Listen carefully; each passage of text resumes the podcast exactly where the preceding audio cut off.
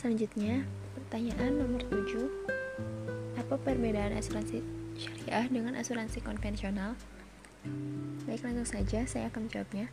Ada tujuh perbedaan mendasar antara asuransi syariah dengan asuransi konvensional. Perbedaan tersebut di antaranya yang pertama, asuransi syariah memiliki Dewan Pengawas Syariah atau DPS yang bertugas mengawasi produk yang dipasarkan dan pengelolaan investasi dananya. Dewan Pengawas Syariah ini tidak ditemukan dalam asuransi konvensional. Yang kedua, akad yang dilaksanakan pada asuransi syariah berdasarkan tolong-menolong, sedangkan asuransi konvensional berdasarkan jual beli. Yang ketiga, investasi dana pada asuransi syariah berdasarkan bagi hasil atau mudorobah, sedangkan pada asuransi konvensional memakai bunga atau riba sebagai landasan perhitungan investasinya. Yang keempat, Kepemilikan dana pada asuransi syariah merupakan hak peserta. Perusahaan hanya sebagai pemegang amanah untuk mengelolanya. Pada asuransi konvensional, dana yang terkumpul dari nasabah atau premi menjadi milik perusahaan, sehingga perusahaan bebas menentukan alokasi investasinya.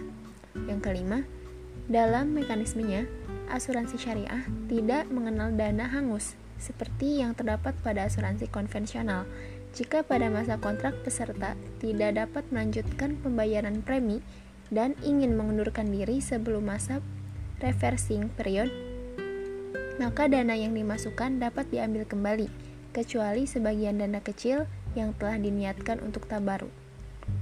Yang keenam, pembayaran klaim pada asuransi syariah diambil dari dana tabaru atau dana kebajikan seluruh peserta yang sejak awal telah diikhlaskan bahwa ada penyisihan dana yang akan dipakai sebagai dana tolong-menolong di antara peserta bila terjadi musibah.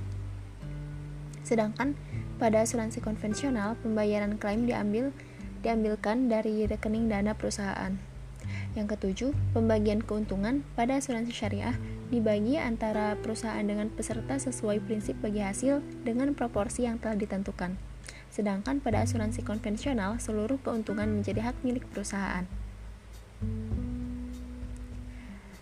Dalam Fatwa DSN MUI nomor 21 tahun 2001, akad dalam asuransi yang pertama, akad yang dilakukan antara peserta dengan perusahaan terdiri atas akad tijaroh atau akad tabaru. Yang kedua, akad tijaroh yang dimaksud dalam ayat 1 Menurut Undang-Undang Nomor 40 Tahun 2014, asuransi syariah adalah kumpulan perjanjian yang terdiri atas perjanjian antara perusahaan asuransi syariah dan pemegang polis dan perjanjian di antara para pemegang polis dalam rangka pengelolaan kontribusi berdasarkan prinsip syariah guna saling menolong dan melindungi dengan cara memberikan penggantian kepada peserta atau pemegang polis karena kerugian, kerusakan, biaya yang timbul, kehilangan keuntungan, atau tanggung jawab hukum kepada pihak ketiga yang mungkin diderita peserta atau pemegang polis karena terjadi karena terjadinya suatu peristiwa yang tidak pasti. Peraturan OJK nomor 69 tahun 2016 pasal 1 dalam peraturan otoritas jasa keuangan ini yang dimaksud dengan perusahaan adalah perusahaan asuransi, perusahaan asuransi syariah, perusahaan reasuransi, dan perusahaan reasuransi syariah.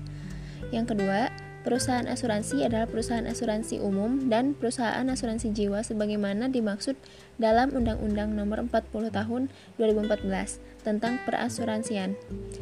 Dan yang terakhir, perusahaan asuransi syariah adalah perusahaan asuransi umum syariah dan perusahaan asuransi jiwa syariah sebagaimana dimaksud dalam Undang-Undang Nomor 40 Tahun 2014 tentang perasuransian.